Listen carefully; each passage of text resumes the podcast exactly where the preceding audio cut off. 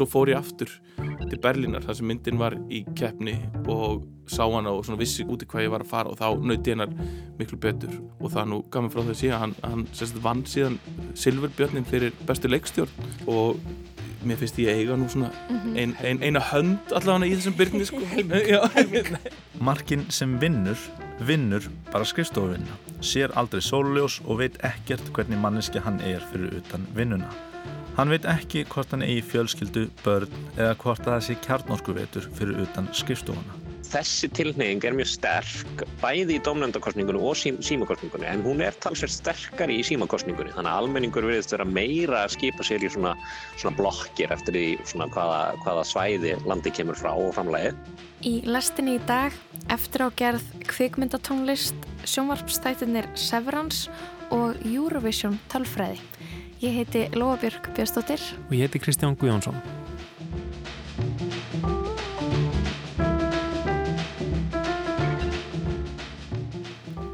Hafstedt Gunnar Sigursson leikstyrði sinni fyrstu kvikmyndi í fullri lengt árið 2011, grínmyndinni á annan veg.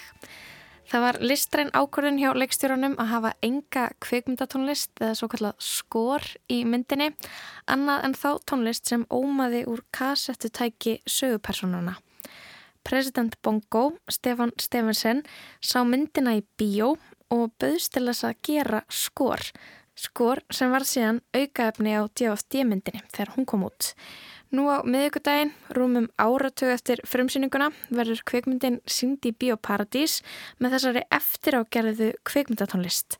Þeir Stefan og Hafstedt Gunnar eru gestur okkar í lestin í dag. Og svo heyrum við Pistil, það er Pálmi Freyr Haugsson sem að flyttur okkur hugleðingar þessa dagana í lestinni um sjónvarp frá ýmsum hliðum og í dag þá eh, veldir hann fyrir sér sjónvarsþáttunum Severance sem eru aðgengilegir á Apple TV, þættir sem eru í leikstjórn Ben Stiller og tengir þættina við bókina Homo Deus eftir Yuval Noah Harari. Einmitt, en áður við heyrum meira um það, þá þurfum við eiginlega að gera upp Eurovision helgina að sjálfsögðu. Lorín, náttúrulega sigurvegari helgarinnar. Um, eins og spáð varum. Eins og spáð var, Svíþjóð með læð Tattoo, húðflúr.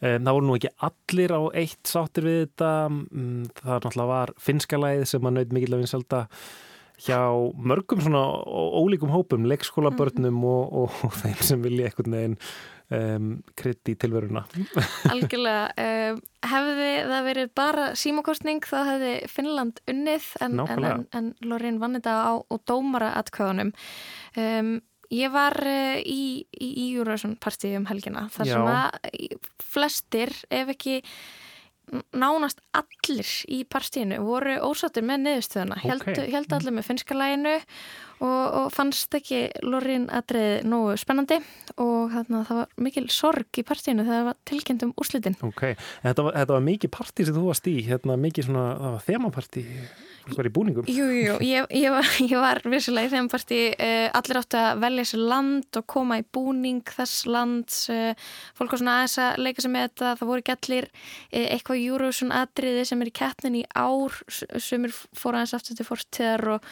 völdu sér eitthvað tímabil en það, fóru, það voru allir í búning það var mjög sannfærandi og reynbúningur ég ákvaði að vera í íslenska liðinu mjög leðilegt á fymtudaginn ég kom, komst að því að um, við varum ekki að fara að keppa á löðadaginn en uh, ég, vinkonum minn kom sem Dilljá en það er það mjög líkar og ég kom sem Gíslimarsteinn ég útöði mér uh, fagur gula hárkollu, fekk bindi lánaði skáfnum að sinna á rúf uh, pranta át nabbspjald og hjá með svona litla, lítil hernatól og tók að mér að vera með uh, svona alls konar mainfísnar aðtöðasendir yfir kvöldið. Einmitt, það, þetta var sem að tekið alla leið þarna í mm -hmm. mjög metnaðafyllt Eurovision-partí hjá ykkur. Já, en, en hjá þér? Sko ég fór í sumabústað uh, í Eurovision-partí hérna ásand fjölskyldunni og, og hérna og við vorum einhvern veginn bara alveg tilbúin, vorum búin að borða, vorum hérna komið með snakkskálanar og, og gósið einhvern veginn tilbúin að horfa á einhvern svona litlu, litlu sjónvarpi, litlu eldgömlu sjónvarpi fyrsta lag byrjaði mjög gaman og, og svo byrjaði annan lag þá slóðu dramagninu mm -hmm. og, og hvað hva gerðu þið þá? Sko rafmagnir kom ekkit aftur fyrir um miðnætti Nei, og þannig að í rauninni bara hérna, all, allt þetta sumabústaðaland þarna í borgarfyrðinum var bara rafmagnslaust Og það hlýtur að hafa verið bara kaos, ringulreiðana í ég sá fólk svona einhvern veginn vafra um þannig í, í, í úrhellisrigningu og, og hérna Það er og, henni að koma rafmagnin aftur Já, á. einhverju sátt út í bíl, ég veit ekki hvort fólk var að hlusta á. Eh, Þannig að þetta var, hérna, og við vorum einhvern veginn ringi rarik alveg á fullu, sko, mm Mhm. hvenar, hérna, klárast það.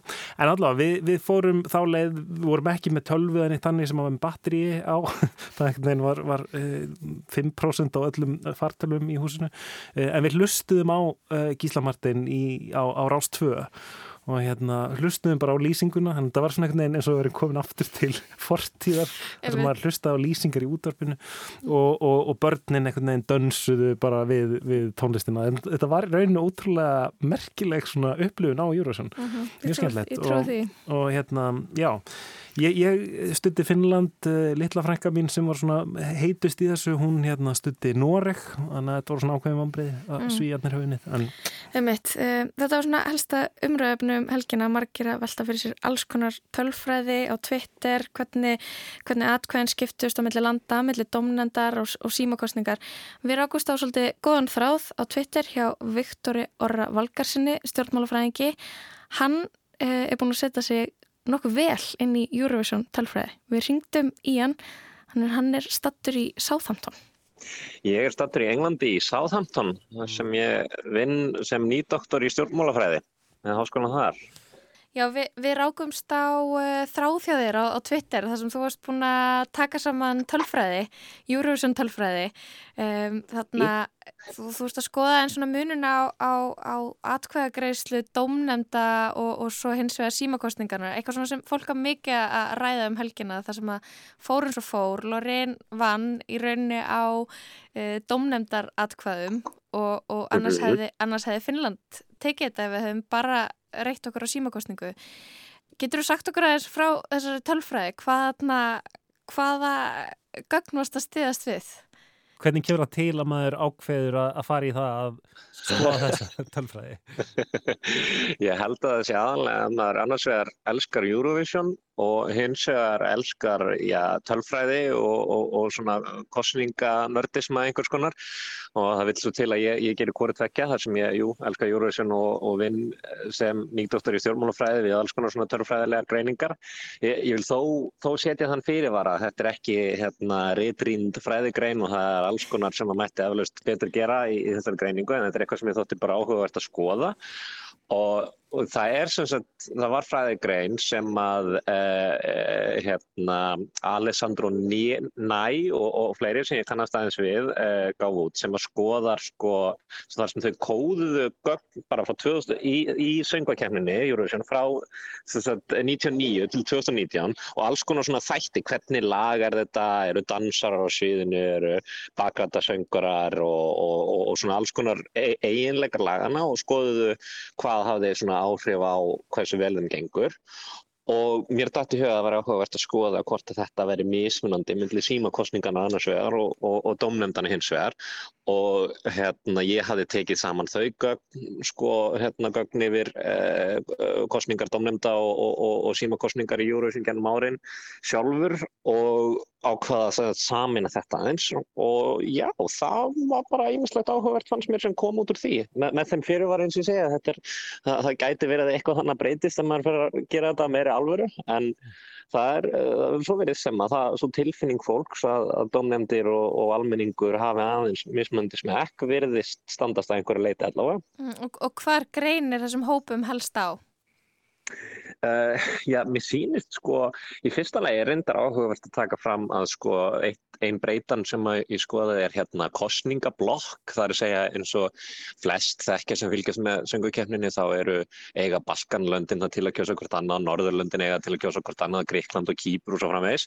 Og þessi tilneying er mjög sterk bæði í domnendakostningunni og sí, símakostningunni en hún er talsveit sterkari í símakostningunni þannig að almenningur virðist vera meira að skipa sér í svona, svona blokkir eftir því svona hvaða, hvaða svæði landi kemur frá og framlegið Um, en þess utan þá hans mér kannski áhugavert að skoða að, að flokkurinn sko dans tekno, það er að segja lög sem að falla í þann flokk, sangan þeim sem kóðu all lögin, það, almenningur er að fíla það, það verðist vera mun betur heldur en domnefndir sko. Þannig að það, það að lag sé dans eða teknolag, almennt hefur sko neikvæð áhrif á hversu mörg stig það fær frá domnefndunum en, en, en jákvæð áhrif á hversu mörg stig það fær frá almenningi og það er erfitt að fyrir mig allavega að tengja þetta ekki smá við það hvernig Finnlandi og Svíþjóð gekk með, hjá, í símakostningunni og dónendakostningunni núna á lögadaginu.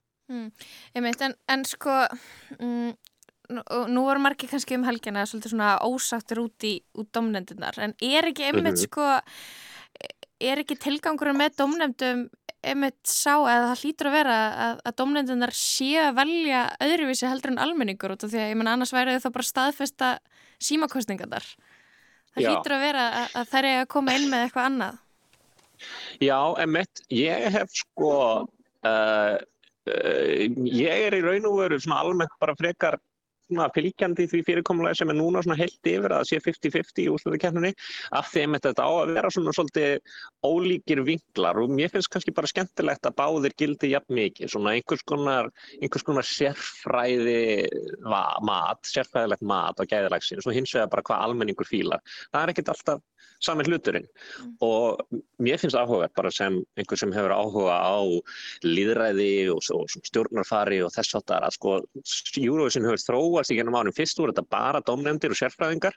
Svo svona, rétt fyrir 2000 þá voru sí, símakostningina að verða ráðandi og í mörg ár var það bara símakostning sem réði. Eins og þegar Lordi vann þá var það bara símakostning og svo einhvern veginn það er eins og smám saman hafi keppnisskipuleikendur í Eurovision reynt að finna svona jafnvegi ok, það var aðeins svo mikið að hafa bara dónend og það var aðeins svo mikið að hafa bara símakostningu þannig að núna erum við 50-50 og það má alveg fara rauk fyrir því og að svona að, að bæði sjónur séu valit og hérna til dæmis það bara að dómendunar verðast tempra aðeins þessar kostningablokkir og svona, það hefur eitthvað að segja mm -hmm. og, og hérna Uh, já, ég menna, svo, svo náttúrulega telur líka inn í, svo ég segi það, náttúrulega í fyrsta legi þá, ég, ég hjælt alveg með Finnlandi en Loren var rosalega flott líka og það gæti líka að spila sko inn í bara þarna að hérna dómnefndin að dó, dæma eftir fluttningi sem fyrir fram á förstu deginum, förstaskvöndinu og þar gæti til dæmis Loren hafa fluttmun betur heldur en svo á laugadeginum og, mm. og það getur líka inn í. Mm. Þannig að það, ég er ekki að halda fram að þetta þetta sé eina skýringin með svona áhugavert að skoða þetta og rekast á að, að dansteknolögu eða til að falla betur í mjúkin hjá almenningi sko. Einmitt, já, fólk vil stöðu þetta sko. En hérna, en það er fleira, fleira sem að hérna, þú komst að. Eh, eitt sem ég fannst svolítið aðtilsvert var hérna afstafa annarsvegar hérna almennings og hins vegar domnendana til þess að það sé sungið á þjóðartungunni. Mhm, mm algjörlega. Hérna, það var Sko það veriðist vera sem að það domnefndir eh, gefi lægri stig til landa sem er að syngja eh, á eigin tungumáli að, að hluta það fullu og meðan að, meðan að það virðist ekki skipta máli fyrir almenning sem er áhugavert. Það reyndar ég sett smá fyrir var það, það var aðeins mismundi hvernig, hvernig líkon ég, ég kerði á þetta sko hvort að það var tilfellið eða ekki þannig að það er svona the jury is still out svo ég sletti og, og panni aðeins en, en, hérna, en það þannig að það er ekki alveg vist að þetta sé uh, að þetta haldi en það virðist samt vera að líka sko almenningur fílar markvæmst betur lög sem eru flokkuð sem ethnic lög, svona þjóðlaga eða hefðbundin svona þjó, þjóðar tónlist einhver, þjóðlaga tónlist einhver.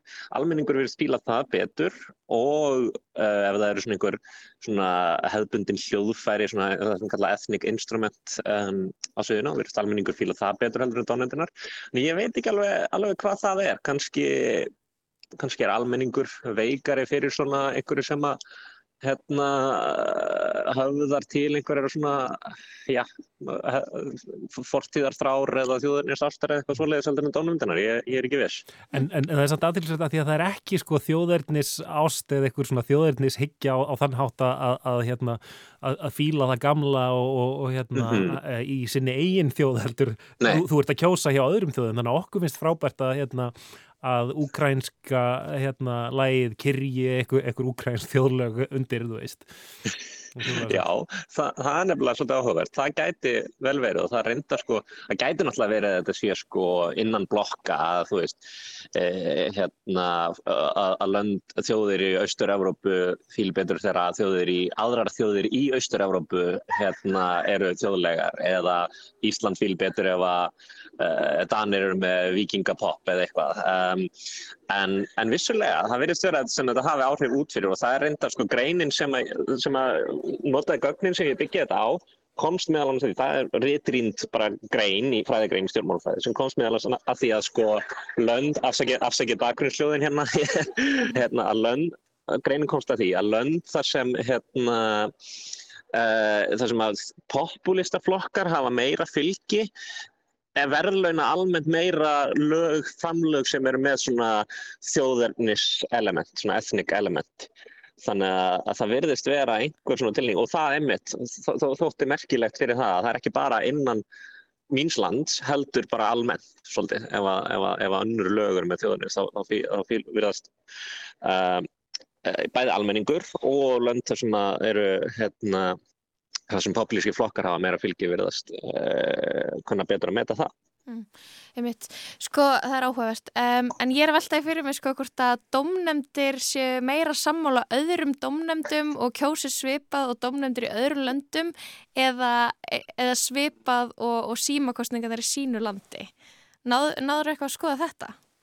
Ég hef ekki skoða það en það væri alveg hægt að skoða það þurfti, ég þurfti smá að leggja því að ég, hef ekki skoðað, það væri hægt að skoða hvort það sé meiri uh, breytileiki á milli landa þegar það kemur símakorsningunni heldur en domnefndunum og hérna, það var alveg áhugavert að sjá. En eitt allavega sem að kannski bendir til þess er til dæmis þetta með kostningablokkinnar og svona að það almenningur er kannski meira að skipa sér í kostningablokkir þannig að það kannski gefur til kynna að domnendir séu að kjósa aðeins uh, meira svipað þvert á, á, á, á lönd heldur en, heldur en almenningur en ég hef ekki skoðað það alveg sérstaklega það er alveg eitthvað sem mættir klálega að skoða sko. mm -hmm.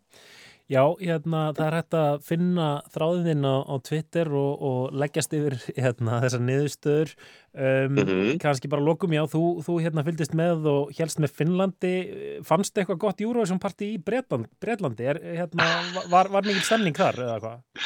Herðu, örglega. Það vil reyndar svo til að hérna, Uh, ég kom bara hingað í gær, uh, þar að segja að ég var á Íslandi og vinnum minn held upp á 30 sammælið þitt, þannig að ég var þar í góðu Eurovision partíi hjá honum áttæðivari. Það var, það var hérna, bara mikið stuð og flest þar heldum með Finnlandi en ég er endar e, vissulega bara, Loren var líka mjög flott sko, þannig að þetta var bara gaman. Mm. Herðu, Viktor Orri Valgarsson, uh, stjórn, stjórnmálufræðingur, takk kjallaði fyrir að hérna, leið okkur í allan sannleikan um, um Eurovision tölfræðina. Já, takk kærlega sömulegis, en frekar er ansvona er sjálfsögðu þarf, sko, það er að sjálfsögðu. Er, er, er, hérna, er grósku mikið svið innan hérna háskóla samfélagsins það sem er verið að rýna í tölfræði Júruvísson? Ég myndi ekki segja grósku mikið, en það er skemmtilegt að það eru til, það er alveg uh, nokkrar uh, fræðilegar rítrýndar greinar sem fjallum þetta, sko, og ég, ég held að sjálf að hekta, þó að þetta svona Júruvísson úrslitin sem slík eru fyrst og fremst svona til gaman og menningalegt og allt það er alveg, þetta er alveg og reyni sko, bara segir ímislegt um fólk og, og hvernig þjóðir hefða sér og svona. Það er Mitt. margt áhugavert í þessu. Mm. Við hvetjum þið til þess að halda áfram. Viktor, takk, takk, takk fyrir spjallið. Takk sem leiðis, leiðis En næst hér í lastinni ætlum við að heyra pistil frá Pálma Frey Haugsenni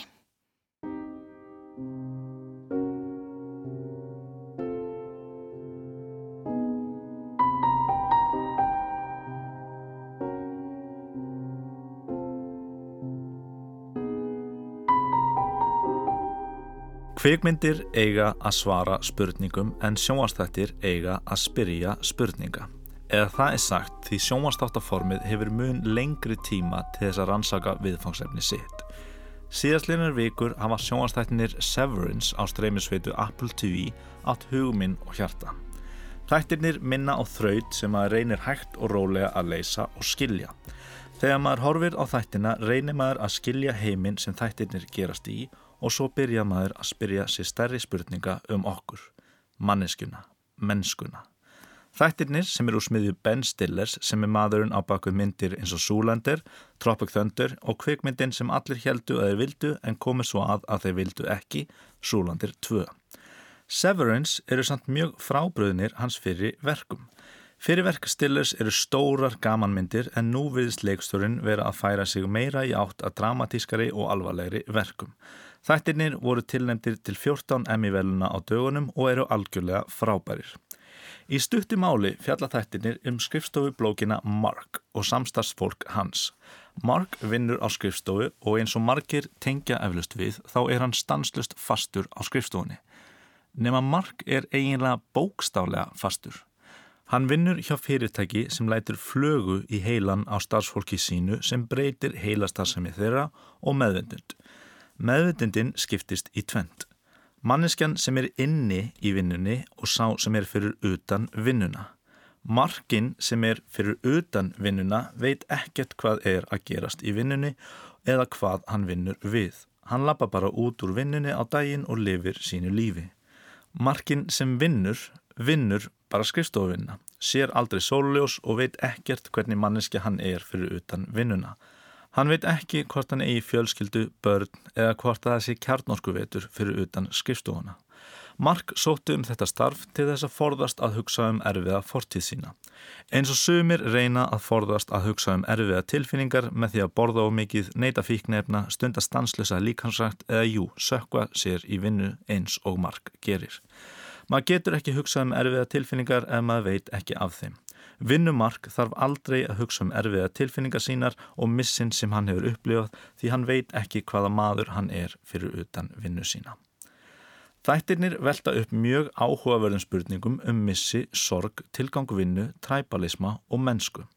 Hægt er að fjalla um þættina frá ótelendi sjónurhóttnum og ræða þá fram og tilbaka en það er þessi mennska sem mig langar að tala um. Manns andin. Svo oft sjáum við í þáttum eins og þessum, kvikmyndum og bókum að þegar fólk er látið í einhvers konar dystopískar aðstæður þá brýst einhver mennska út í fólki og sama hvað tautar og raular þá er ekki hægt að láta manneskjur í kassa. En er það samt ekki? Er ekki hægt að setja manneskjur í kassa og væri það ef til vil okkur fyrir bestu? Er ofurtrú okkar á mennskunni sem einhvers konar von gegn öllum yllum öllum raung. Eru allar sögur sem matreiða í okkur trú á mennsku, von og ást eftir vill rángar og hafa skapað í okkur ránghugmyndir um ágæti mannkynsins. Vissulega ger ég mig grein fyrir að ég er að tala gegn okkur mönnunum en lefi mér aðeins að máta þennan svart sínis hatt í smá stund. Í bóksinni Homo Deus velti sakfræðingurinn Yuval Noah Harari upp spurningum og hugmyndum um nánustu framtíð mannkins. Fólk þekkir eflust bókina Sapiens sem hann skrifaði og þið sáuð alla lesa á flúvöllum fyrir umlega áratug síðan þar sem hann rætti sögu mannkins fram að þessu. Í Homo Deus talar hann um að tæknibreitingar og samfélagslegar breytingar séu orðna svo örar að við vitum svo lítið um vinnumarkaðin eftir 15-20 ár að við höfum ekki hugmynd um hvað vegum að kenna börnum okkar í grunnskólum til að búa þau undir vinnumarkað næstu áratuga. Þegar allir sjálfsafgræslu kassarnir, gerfurgreindin og önnur vélvæðing er búin að taka yfir megnið af störfunum þá myndast nýstjætt af fólki sem hefur ekki færni til þess að vinna störfin sem eftir eru í samfélaginu. Það þarf engan í verksmiðunar og það þarf engan í afgræsluna. Og aðeins örf á störf verða að finna fyrir þá stjætt og verður hún þá hinn gagslösa stjætt. Áður fyrr þurftu ríkistórnir fólk til að fylla verksmiður, þjónustustörf, herin og önnur störf til að halda samfélaginu gangandi. Jafnvel voðaleg einræðisríki þurftu almúan með sér. Hitler þurfti fólk í verksmiður, óbreytta hermenn, kennara og þjónustufólk. Hann þurfti fólk í öll þessi störf og góða skóla fyrir börnin þeirra til að upp næstu kynsloð sem fylgti öll þau störf sem þurfti að fylla. Hann þurfti múin. En hugsanlega þurfa ríkstjórnir ekki lengur á múgnum að halda. Ef samfélag þurfa ekki lengur þennan gríðarlega mannabla þá er kannski engin kvati fyrir samfélagi til að hugsa um fólki sitt eins og alltaf hefur verið. Ríkistjórnir, yfirvaldið og þeir ríku hafa alltaf þurft fólk en hugsanlega er sá tími á enda. Harari veltir líka fyrir sér að við erum ekki einu svona að vinna með vélum heldur er við nú þegar orðin af hálgerðum vélum þar sem enginn getur gert neitt fyrir neitt án þess að hafa síma eða tölvu við höndina. Enginn er að fara að sækjum vinnu eða hlusta á þetta án þess að nota einhvers konar tækni. Tæknin mun svo hægt og rólega blandast saman við okkur. Jafnvel fyrir fæðingu eru við farin að erðabreita afkvæmum okkar. Það er nánast bara tímaspursmál hvenar manneskja á olimpíumóti fallara með gerfifót hleypur hraðar en sá á hefðbundnum olimpíuleikum. Eða heyrnatæki nefnir hljóð betur en okkar hefðbundna eira. Þeir ríku hafa núna þess fjárhagslega forskot að geta fjárfest í nýjum tækjum sem aðrir hafa ekki fjárhagslega getu til þess að halda í við. Þetta myndi skapa þann veruleika að aðeins þeir sem eru með nógu sérhæða þekkingu geta unni við þau störf sem stór fyrirtæki og ríkistjórnir þurfa og ef þau fá ekki þá vinnu þá eiga þau í hættu að flokkast undir hinn að gagslösu stjætt. Að halda vinninni verður þá þeim mun mikilvægara að gera gagn. Ófaglærða og fátakastjættin verður þá hinn gagslösa stjætt. Hinn framtíðasín Harari snýst að okkar nýja guði. Samfélag hafa alltaf leitað einhvert til þess að fá svör við erfiðu spurningum lífsins. Áður fyrir leitaði samfélagi til Guðs til að svara þeim. Ef Karlmaður vildi giftast öðrum Karlmanni, sagði Guð nei. Setna tók svo maðurinn við með frjálshyggju sína af opni. Gerðu það sem þér líkar. Ef karlmanni langar að giftast öðrum karlmanni þá þarf hann að finna það inn í sér. Það sem honum finnst gott og rétt er þá gott og rétt. Þú eldir hugsanir þínar og tilfinningar. En ef til vill er við að verða úreld og data eða gögn taka við, svo kallar dataismi. Dataismi er svo trú að svör okkar við öllum stóru spurningum lífsins séu að finna í gögnum. Þetta er nú þegar farið af stað í mýfluguminn þar sem algoritmi er farin að velja hvað við sjáum á samfélagsmiðlum, hvað við horfum á næst á Netflix og hvaða lag kemur upp á Spotify. Algoritmin veit hvað þú og fólk með svipan smekk og þú hefur valið og velur eftir því. Kindle lesbrettið þitt veit hvaða bók þú ert að lesa, veit hvar þú hættir, hvaða blaðsýr þú ert lengi með og hvaða blaðsýr þú þýtur í gegnum. Allt er þetta til að sapna gögnum. Núna lest þú bókina og bókin les þig. Bráðum fyrir lesbrettið að lesa andlið þitt og sér hvernig þú bregst við hverri setningu, hvenar þú hlærð, hvenar þú grætur og ef þrónin heldur áfram nefnur það taugakerfið þitt hvenar hjartað hamast, hvenar fer blóðhristingurinn upp og hvaða tilfinningu hver setning veldur. Á endanum tekur dataismin við. Algoritmin veit hvaða skóla þú átt að fara í, hverjum þú átt að giftast og hvaða vinnu mun gera þig hafmyggi saman. Ákvarðantaka og frjálsvilji mun heyra sögunni til því algoritmin mun vita betur og það sem merkilega er, hann mun velja betur. Hann mun ekki gera það fullkomlega en hann mun gera það mun betur en þú gerir það. Hann mun þekkja þig betur en þú þekkir þig. Með að við hvernig gerfigreindin er farin að búa til tónlist og myndir þá myndi hann ekki lengur velja lög fyrir þig, heldur búa til tónlist eða hljóð fyrir þig.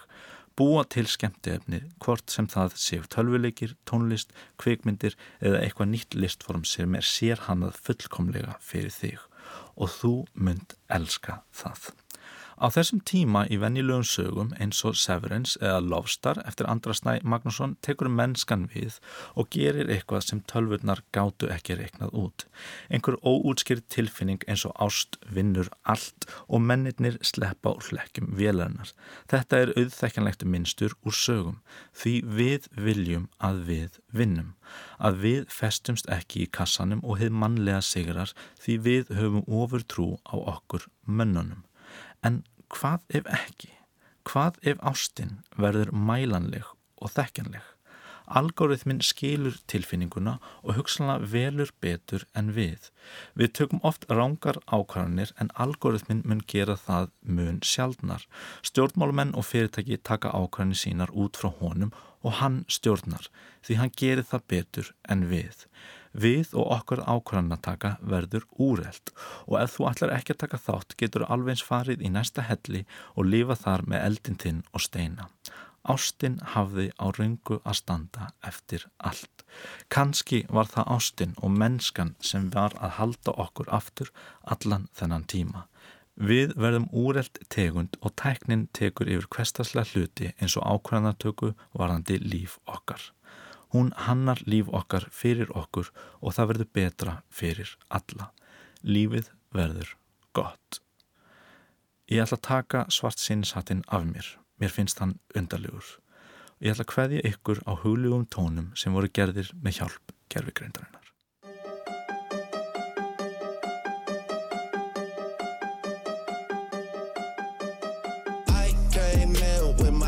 like Celine or the flex, ayy.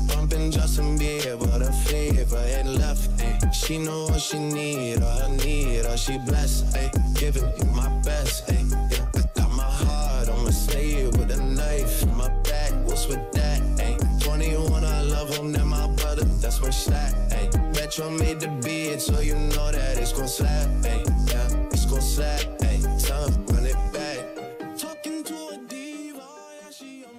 Það var Pálmi Freyr Haugsson sem flutti pistil um sjónastættina Severance og pælingar um vinnu og fleira út frá þeim. Læðin í lokin heitir my sleeve og vakti mikla aðtegli núna á dögunum en það eru rattir tónlistamannana Drake og The Weeknd. Ekki þeirra eigin heldur eru þetta gerfigreindar eftirhermur af röddum þeirra. En um, já, þetta lag fekk mjög mikla spilun áður en það var tekið niður uh, af um, plötufyrirtækjum þeirra Drake og Weekend eða, já, Abel um, Tesfaye eins og hérna The Weeknd allar núna að fara að kalla sig hann allar að uh, hætta að nota þetta viðnefni sitt The Weeknd, einn stærsta popstjárna heims kanadíski tónlistamöðurinn og allar að um, já, fara að nota bara sitt uh, skýrnarnafn Abel Tesfaye Já, það verður áhugavert að sjá hvernig aðdöndur hans taka í það hvort að fólk, muni hætta að kalla hann Weekend mm Mhm. -hmm. er, það svolítið seint, það skipta núna Spurning, ég minna að það er nú alveg fordæmi fyrir þessu, var ekki hérna P. Diddy var áður Puff Daddy og þú veist. En ég meina kallar einhver Snoop Dogg Snoop Lion og, og hvað hann skipta alveg svolítið oft. Eh, fólk kallar Kanye West en þá Kanye West ekki, ekki endilega Yay. yay, Mhm, ég meina þú veist. En það má alltaf reyna. Já, það er svona spurning, spurning um, hva, hvaða völdu hafa yfir sínu eigin nafni. Uh, listamæðurinn sem var á þetta sem prins var auðvitað hérna, tímabil í ferli prins þegar hann kallaði sig það. einmitt. En allavega, það, eru, um, það kemur í ljós hvort að Weekend verði áfram helgi eða, eða verði núna Abel. En við ætlum að snú okkur að allt öðru, við ætlum að fara úr sjónvarpi yfir á kvítatjaldið.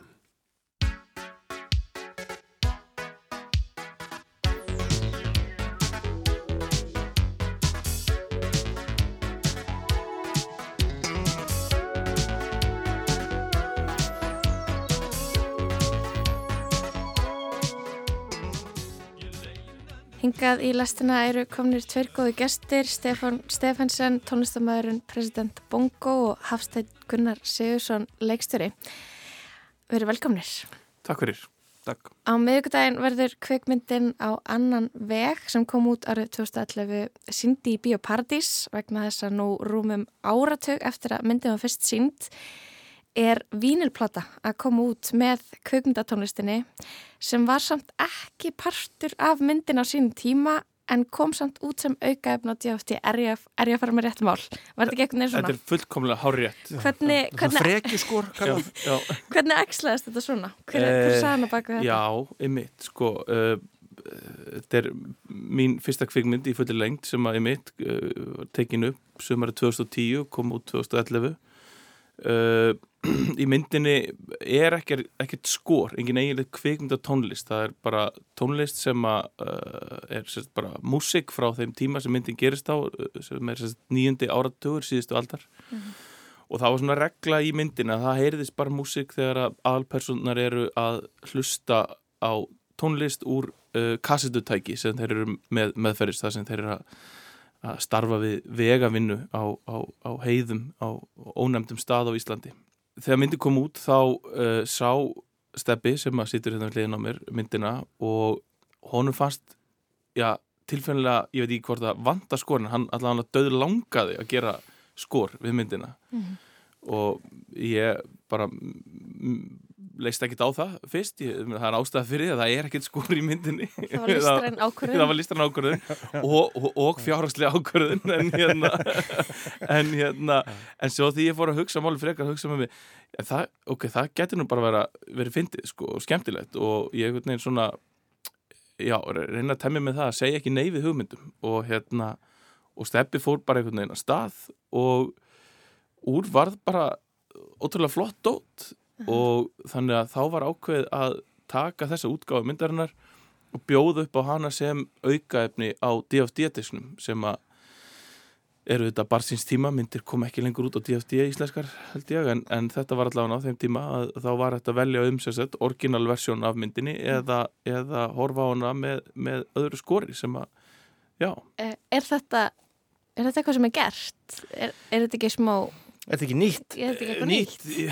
Ég er að segja bara nýtt, sko. Jú, ég meina, jú, þetta er náttúrulega þetta, þetta, þetta er möguleiki sem að þetta format DFD býður upp á alls konar kommentari, þú veist, það er þetta að hafa, þú veist, já, ó- ólíkar útgáfur Ég sakna þess le- Leikstjóra kommentari síns, það er vallið með skemmtilegt. algjörlega. Og, og svona, og kannski bara viðeigandi líka þessi mynd, hún einhvern veginn sko hefur svona öðlast annað líf á alls konar hátt, hún var veist, endurgerði í Ameríku með amerískum leikurum. Uh, sá leikstjóri hafði samband við mynd í COVID, var búin að skrifa sjálfstætt framhald af myndinni sem að varð nú ekki, það fór aldrei í framlæslu út af COVID sko, en, en þannig að ég, ég held að líf myndarinnar sé bara alls ekkert lokið sko og þetta er bara svona uh, eitt liður í því ferðalagi Hvað, þarna, segðu mér, þú, þú sér þessa mynd, það vantar skor undir, hvað, og sástu fyr, strax fyrir hvað það ætlar að gera? Já, neða, æ, þú veist, ég veit ekki, ég get ekki sagt að ég hef einhvern veginn hugsað að vantar eitthvað. Fyrstulega finnst mér þetta bara frábær mynd og kannski þetta hafi verið sambland bara því að ég heyrði ekkert skor því það var ekki. Og, og mér langaði bara að prófa að skora bíamind og, og svo er, uh, er var þetta frekar svona auð, í minningunni auðs, auðsótt mál. Já, og eins og ég segi og nei, ég, þetta var, ég var mjög heitlaður af sko svona því ég fyrir að pæli því sko af hérna af Deadman skorinu, mannstu þetta því hann Nei. hérna okkar okkar besti maður, ameríski gítarleikari sem er hættur, Neil Young. Hættur á Spotify. Já, Neil Young, hann, hann er sérst settur inn í klefa í þessu Deadman skori sem er Jim Jarmus Jim mynd. Mynd, já, frábært sko, settum bara inn í klefa og látum horfa, horfa á bíómyndina.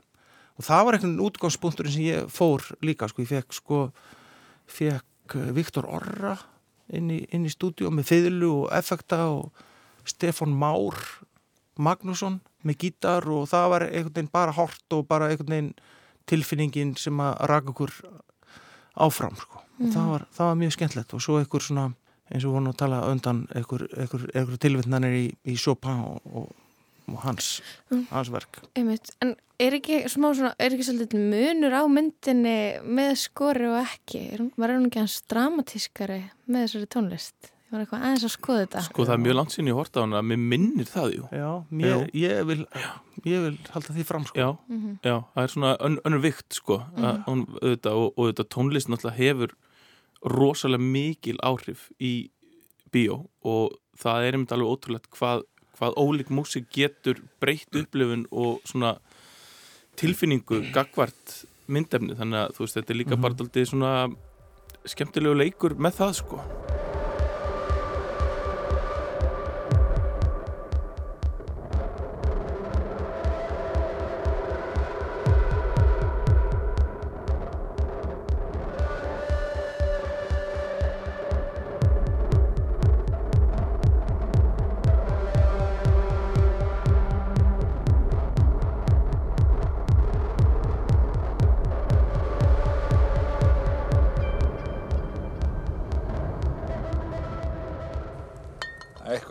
hafa gerst. Menn stingi ekki bara á og skilja vinn sín eftir einan upp á heiði. Grunar reyndar alveg hvað skeiði. Það á ekki að segja skeiði. Það á að segja gerast, henda að eiga sér stað. Nefnum sér danskur eftir það. Nei.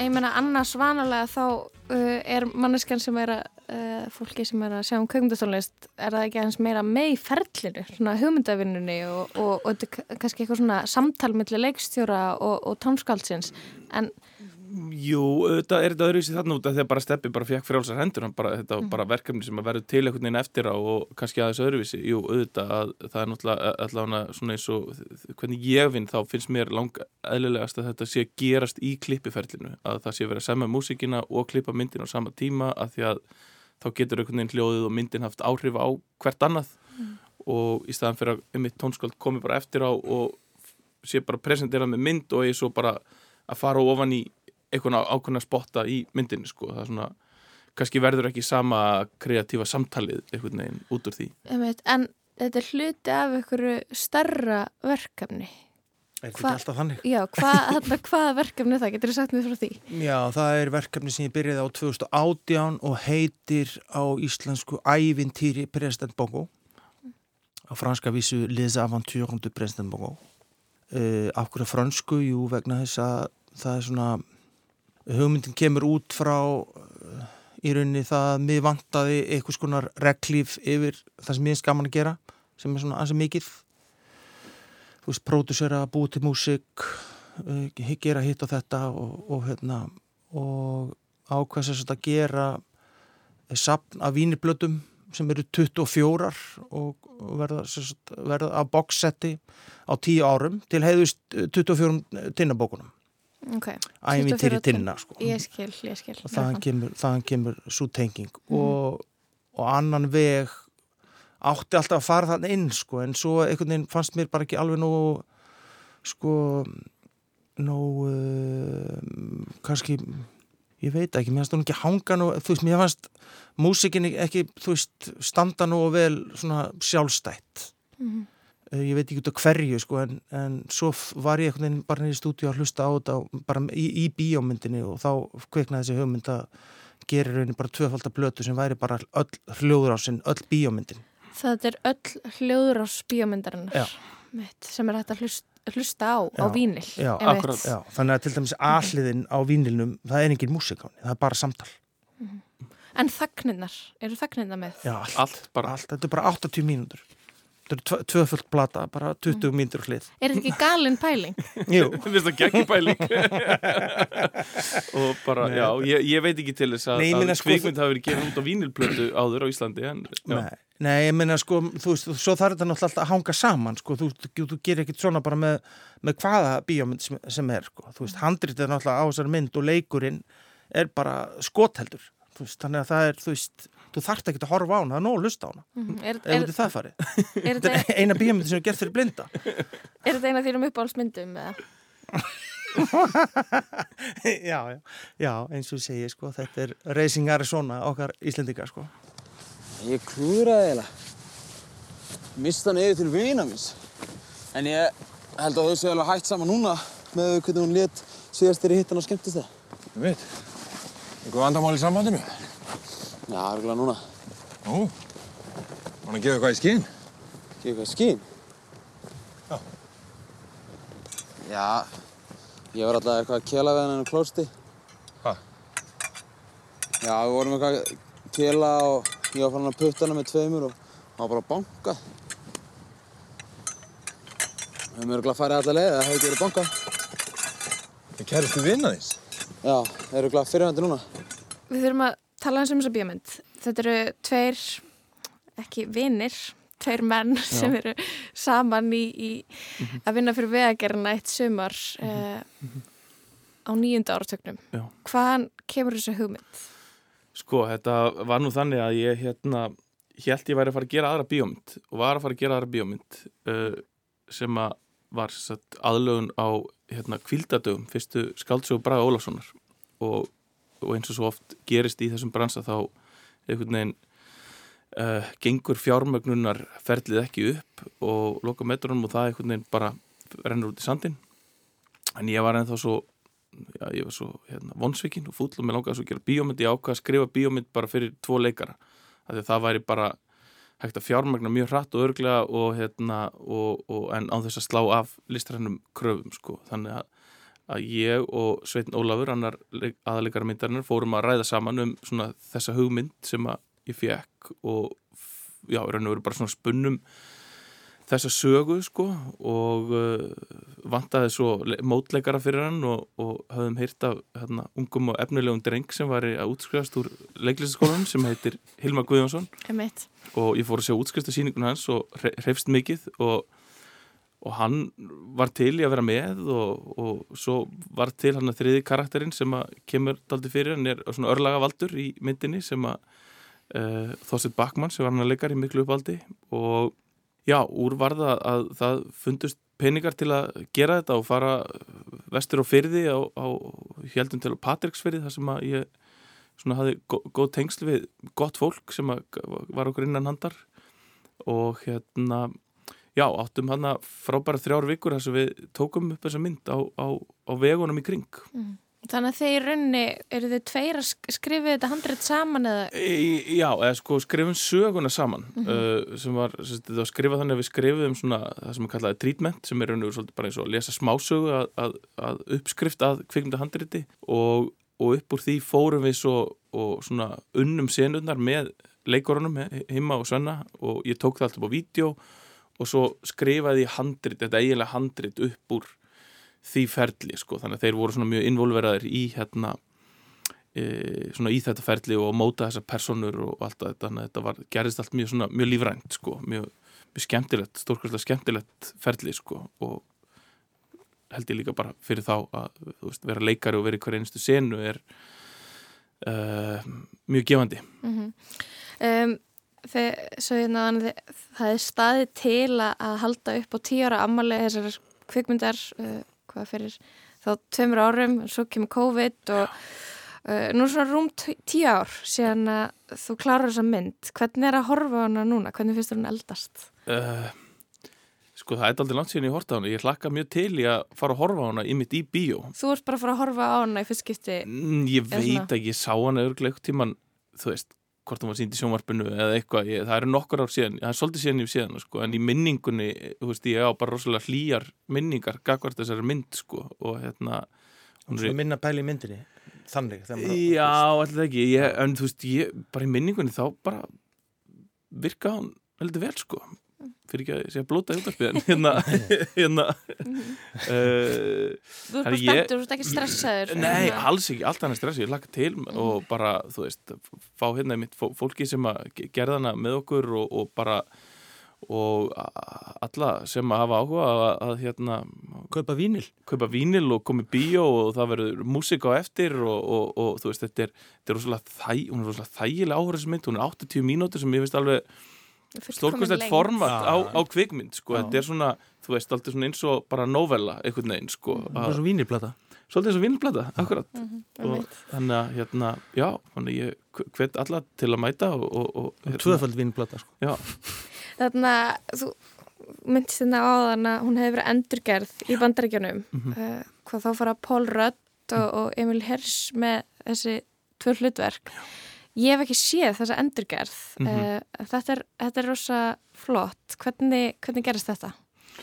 Uh, þetta gerist þannig að, hérna, að leikstjóri myndarinnar uh, David Gordon Green hann hérna, var að mynda að leita sér að verkefni sem hann geti gert einhvern veginn hratt og hérna og það var skóur sem var, hafði brunnið og tilstóða að fella og hann langaði svo að gera eitthvað í þessum skói og hérna og heyrir af myndinni okkar í gegnum leikmyndahönnuðin sinn sem var vinur leikmyndahönnuðar á annan veg, sem er Haldan Pettersen.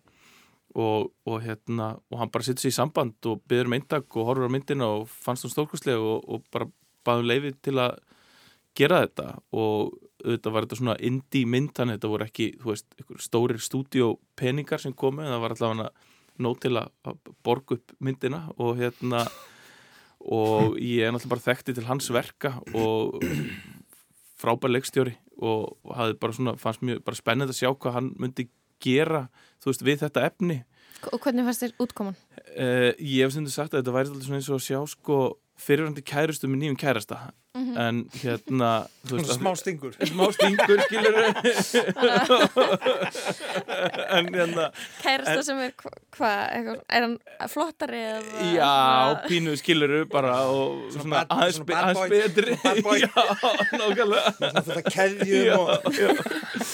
Nei, nei, nei, alls ekki. Þetta, þetta er nú bara djók, sko. Nei, að því að þú veist, auðvitað fyrst sem sagt, fór á frumsýninguna á Sundance 2013 og þá einhvern veginn, þegar maður sá henni fyrst skipti þá var maður svona einhvern veginn rosa mikið einhvern veginn að bera saman og allt það sko og einhvern veginn ekki alveg, ekki alveg að njóta sko.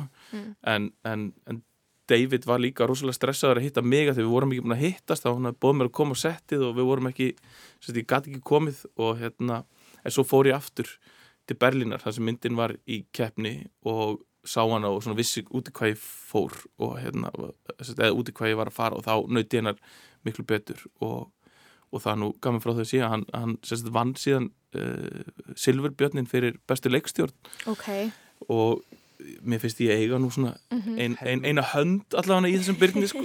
Já, já um, Já, ég vissi ekki, til, til hamingju Þú varst ekki búin að sjá þú, Ert þú búin að sjá bandaríska endigerðina? Nei. Nei, einmitt. Það þarf að sína hana kannski aftur líka Já, sko, uppálega hugmyndin var að sína allar þrjár útgáðunar, sko á Það eru þrjár? Nei, sem sagt, það er Já, tónlistin. upp- Já, Mhm. orginal útgáðan út, útgáðan að steppa og svo, og svo þessa amerísku, sko það, það, taka svona, kannski gerum við það á 20 ára ammælinu og hver veginn maður verið komið kannski einhverja fleiri útgáður, sko ítölsk. aldrei að vita Já, Já. er ekki svona Eða Er framhald? ekki villibráðar hérna. Konseptið, já, Konsept, nákvæmlega Mundi, Gæti gengið í ykkur svona villibræðar konsepti Algjörlega, Mm. já En ég er aðeins meira fórhundin um svo mynd Þú veist, er, er þeir lík, er þeir í vegavinnu er þeir skóarhauksmenn eða Eh, Já, þar, Já. já, þeir eru í vegavinnu, sko þeir eru í vegavinnu já, líka já, já, það er bara sama, þeir eru bara mála strikk og, og þetta er bara, myndin er rosalega og það er þögnin líka Já, já. Og, og, og dettur í, í vatnið og bara, einmitt, ok Já, það, það er svona, hún ber mjög mikla verðingu fyrir hinn uppálega en Mhm. auðvitað gerir þetta á sinn hátt sko og það er síðan auðvitað, en auðvitað síðan notar hann einmitt þennan skó og þennan stað og það verður til svona ákveðin síkvens þar sem að Mhm. er ekki í orginalmyndin en hún leifir sér auðvitað líka að fara smá dítur og allt það sko en, en, en svona grunn tilfinningin er einhvern veginn svona ber verðingu fyrir því en, en jú og kannski þú veist hún er auðvitað amerísku húmor í Ameríku er kannski hann er ekki alveg af þurr okkar hérna íslenski uh, kaldi húmor sko, hann er svona aðeins Ljósari hann er aðeins öðruvísi sko, þannig að auðvitað ber hún keima því líka Einmitt. Um, það mánudagur í dag sem því að það var, það var afturhalding í ger. Já. Þetta eru, er þetta ekki svolítið skemmtilegi dagar? Þannig að daginn eftir að allir horfa saman á, á þessa nýju þætti. uh, Jú, það er mjög gaman að finna viðbröðin við þáttunum og bara uh, alveg, já einhvern veginn virðist vera úr, úr, úr öllum áttum, þannig að hún virðist ná að bæði já, ná, ná fólki af, af hinnum ímsu stegu samfélagsins Og ála á, á taugakeri fólks er ég að sjá, sjá á samfélagsmiðlum. Já. Þetta er, hver, hver er að kalla þetta feel bad þætti? ok Já, sko, mál er ég er ekki á samfélagsmiðlum en Dóri sendi mér oft svona skjáskot sko, af hvað fólk er að segja sko, að Mhm. uh gaman að, að, að fylgjast með og hérna Já, auðvitað, ég, ég skil það alveg, það, það, það reynir á, eins, eins og handbóltaleiku gerir, sko, ég, ég taugakerfi mitt þólir ekki handbóltaleik, sko, þannig að Og það, hvað er margir þetta eftir? tvö stykki. Ok, þetta er spennandi uh, að fylgjast með þessu Mhm. frábæri þættir uh, á annan veg, ég horfði á hann í gær Mhm. hún er mjög fyndin Mhm. mjög skemmtileg mynd um, það verður stemming í Bíóparadís á, á miðugudagi þakka ykkur báðum kærlega fyrir komuna í lestina Takk sem leys Takk hérlega.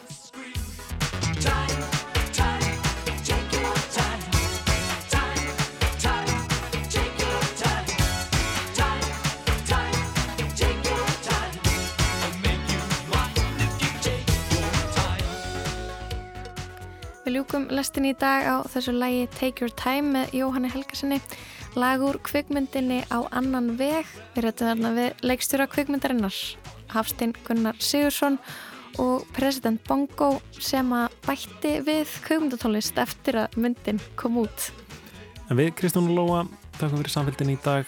Tæknum maður var Lítiða Gretastóttir. Verðið sæl.